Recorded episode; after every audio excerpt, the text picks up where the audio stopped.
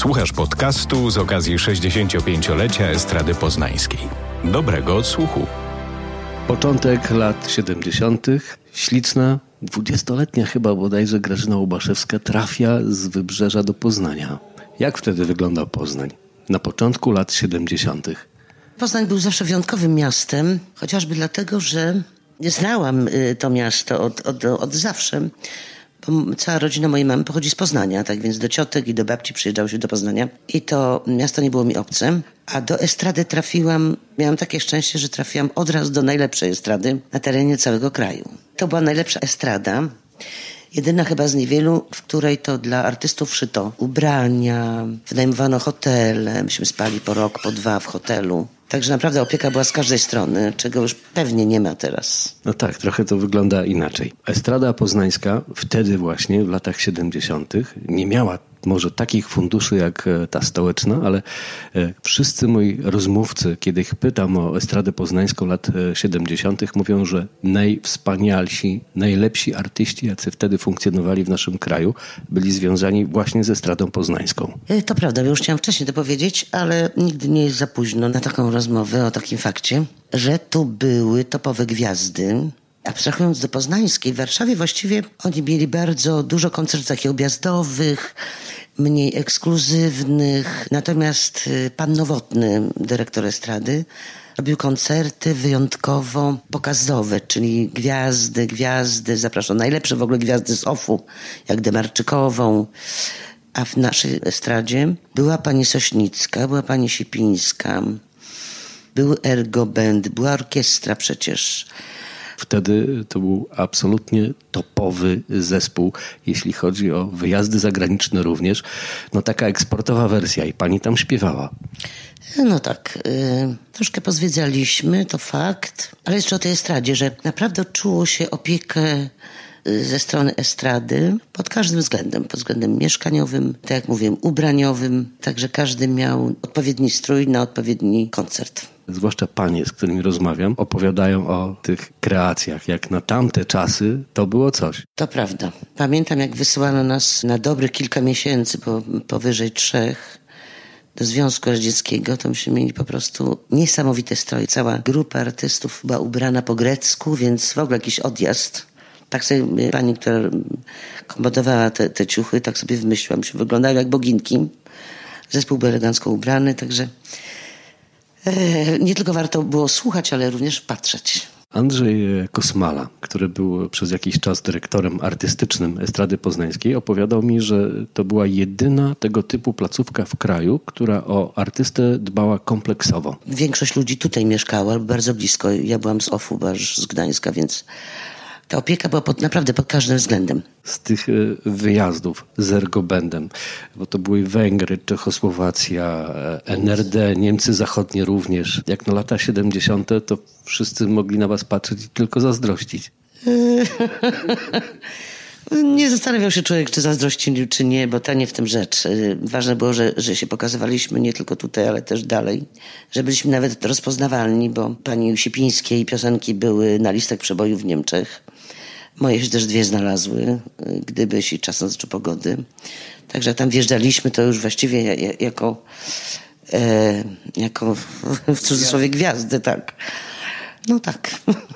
Andrzej Elman, S26, bo to jeszcze przed Ergobendem było. To był wyjątkowy czas, ponieważ to był y, czas przyjaźni i takiej pracy, ale właściwie nikt nie czuł, że pracuje, bo to była jedna wielka rodzina. Nie było w ogóle napięcia żadnego. Tam się bardzo dużo nauczyłam, ponieważ to była grupa wokalna, a ja śpiewałam tylko środkowe y, głosy, więc najtrudniejsze, które które jeszcze umocniły we mnie wiarę, że umiem solfeż, że wszystko ze szkoły muzycznej sobie poprzypominałam, ponieważ byłam na bieżąco. I dlatego później nagrywałam y, y, też sama jedna, na przykład Sipińskiej, wszystkie głosy na płytę na przykład, czy Tadziowi, y, Tadziowi Woźniakowi, czy Halince Frąckowiak, więc to mi się bardzo przydało, że tu w, w S26 chyba najbardziej się nauczyłam być muzykiem wszechstronnym, znaczy piosenkarką, która bierze kwity i śpiewa obojętnie jakie głosy. Co jest na kwitach, to sobie śpiewa i to mi się bardzo przydało. Czyli ta estrada poznańska dla młodziutkiej wtedy Grażyny Łubaszewskiej to była jakby szkoła szkoła, tak? Prawdziwa szkoła y, zachowań scenicznych, bycia na scenie i, i też przy okazji doskonalenia warsztatu wokalnego. Tak, to prawda. A jeszcze jakby dalej sięgnąć, co jeszcze mi dał Poznań? Przede wszystkim to był mój totalny początek, bo to był początek, y, już nie liczą się kluby na terenie Trójmiasta, bo to była amatorska sprawa, ale tutaj zobaczyłam, że śpiewanie to poważna praca, za którą dostawałam pieniądze. To była ta dwudziestoletnia dziewczyna dostawała już pieniądze za swoją pracę, więc to była strasznie poważna rzecz która też nauczyła mnie wybierać. Ja zwykle nie brałam byle czego, więc jakby e, ludzie, z którymi się spotykałam, najpierw S26, a później w Ergo, to byli ludzie, którzy mnie w jakiś sposób yy, ukształtowali, tak. Bo te wszystkie moje późniejsze wybory na pewno zawdzięczam tym, tym ludziom. Pojawia się pierwsze Opole. To był rok 1974. Jakoś pewnie tak. Pan to sprawdził pewnie. Ja już rzeczywiście nie pamiętam. Tak, z S26 najpierw byłam. Śpiewałam piosenkę Bądź mą myślą, bądź mym dopełnieniem. I później była Ergo Band. Y, pierwsza piosenka z nimi to Polska Festiwalowa to Gdybyś.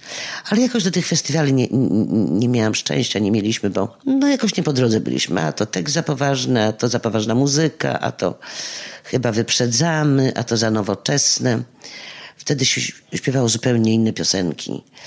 Wtedy y, kawiarenki, la la la, kawiarenki, la la i takie gdybyś to po prostu, im się to chyba nie mieściło w ramach. To, to było za, za daleko, za, za nowoczesne, myśmy do tego nie dorośli. No i po prostu to jakoś, y, ale co, co ważniejsi ludzie, no zapamiętali to, o to chodzi. Takie też opinie od muzyków słyszałem a propos całego Ergo Bandu, że to był zespół, który mocno wyprzedził epokę, jeśli chodzi o to, co działo się na polskiej scenie muzycznej. A to prawda i może dlatego tak długo, długo musieliśmy się borykać z tym, że to radio, że ta telewizja jakoś tak była nam przychylna, ale później chyba była nagroda dziennikarzy, albo wcześniej jakoś tak. I to właśnie otworzyło drzwi do radia, bo jak to dziennikarz, który, muzyczni, którzy wybierają tę piosenkę i dają nagrodę, no to wiadomo, że będą puszczać to w radiu. No i tak, tak się już potoczyło. Czuli się zobowiązani. Może tak, ale może im się po prostu podobało. Alex Band. Kolejna rzecz, która się trafiła na pani muzycznej drodze. Alek Maliszewski, człowiek, którego przemile zawsze wspominam, e, ale też no, wybitna postać e, związana przez lata ze Stradą Poznańską. E, no tak, z Alkiem poznaliśmy się wcześniej niż on założył orkiestrę, ponieważ Ale grał z, z nami w, w Ergo Band. I kiedy założył orkiestrę, zaprosił mnie do współpracy.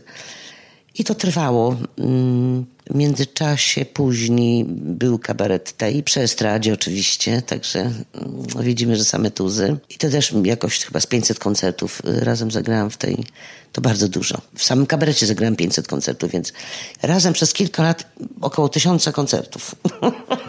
to strasznie dużo jak na młodą osobę, bo bardzo często wyjeżdżaliśmy w różnych układach, czyli Ergo i, i Alex i, i to się wszystko kumulowało, więc tego było dużo. Czyli też to świadczy o sprawności Estrady Poznańskiej, która potrafiła te koncerty i wyjazdy organizować. I te duże, i te małe, czyli kłania się Polska Powiatowa i wszystkie domy kultury. To znaczy, to nie były takie, takie koncerty właśnie te powiatowe, dlatego że tam były małe sale. Ergo i Sipińska graliśmy w większych salach. Ergo tak samo, bo, no, bo ludzi jest dużo i scena musi być większa. To nie mogło być kino i tak dalej. To musiały być jakieś takie Także cała organizacja, y, y, ta, y, byli świetni ludzie, organizatorzy, którzy wcześniej tam jeździli, oglądali salę, czy to się nadaje, czy nie. Także nie wszystkie sale były brane pod uwagę. Pani też trafiła na ten szczęśliwy czas, kiedy po prostu pojawiła się w Poznaniu arena, tam wiele koncertów, no i też Międzynarodowa Wiosna Estradowa na terenie Targów Poznańskich. No tak, ja to też świetnie wspominam, bo to te bardzo, bardzo duże sale, ale ja nie chciałam teraz mówić o tym, co ja tam robiłam. Ja tam przeżyłam coś niebywałego, a mianowicie spotkanie z panią Demarczyk na takiej dużej scenie.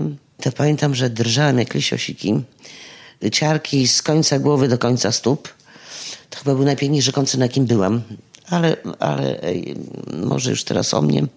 Czyli ja byłam na spotkaniu z człowiekiem, którego kochałam artystycznie. tu właśnie w Poznaniu. I było to dla mnie duże przeżycie. Czyli tak jak mówiłam, Estrada Poznańska oprócz tych gigantów, którymi się opiekowała artystycznie, jeszcze zapraszała największe gwiazdy y, na te duże koncerty. Tam zawsze była telewizja, co jest ważne, bo y, Estrada pracowała bardzo dzielnie z, z telewizją.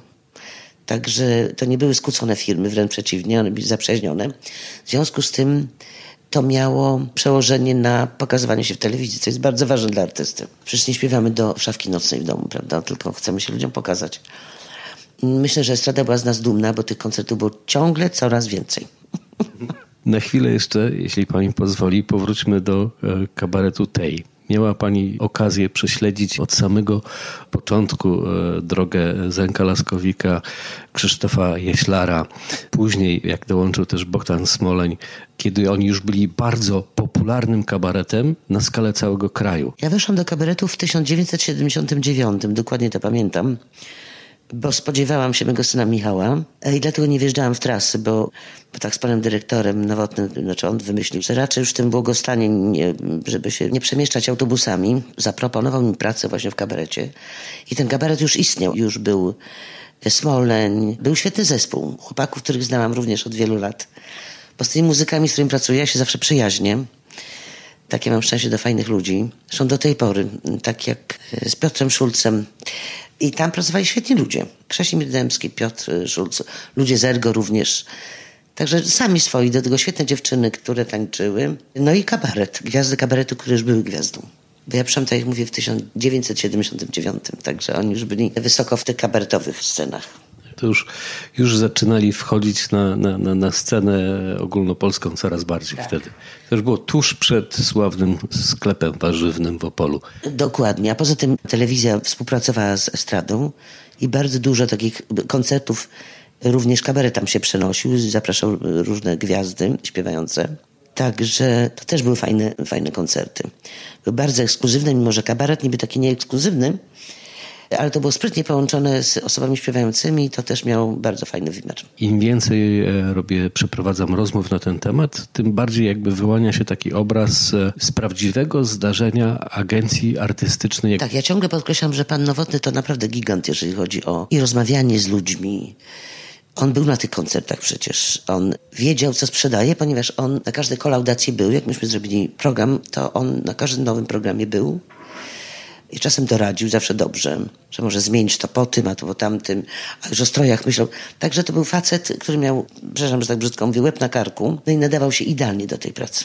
Rozmawiamy w klubie Blue Note w Poznaniu cały czas. Wraca pani do Poznania? Ja lubię wracać do Poznania z różnych względów, ale również z tego, że ludzie przychodzą na koncerty. Czyli poznaniacy jakoś mnie polubili i tu zawsze jest full. jak menadżer mówi Poznań, ja mówię, Boże, tylko nie w Blunocie. On mówi, tak, w Blunocie. Ja mówię, Boże, że ludziom się to nie znudziło. I faktycznie, jakoś mi się to nie nudzi. To był podcast na 65-lecie Estrady Poznańskiej. Więcej na estrada.poznan.pl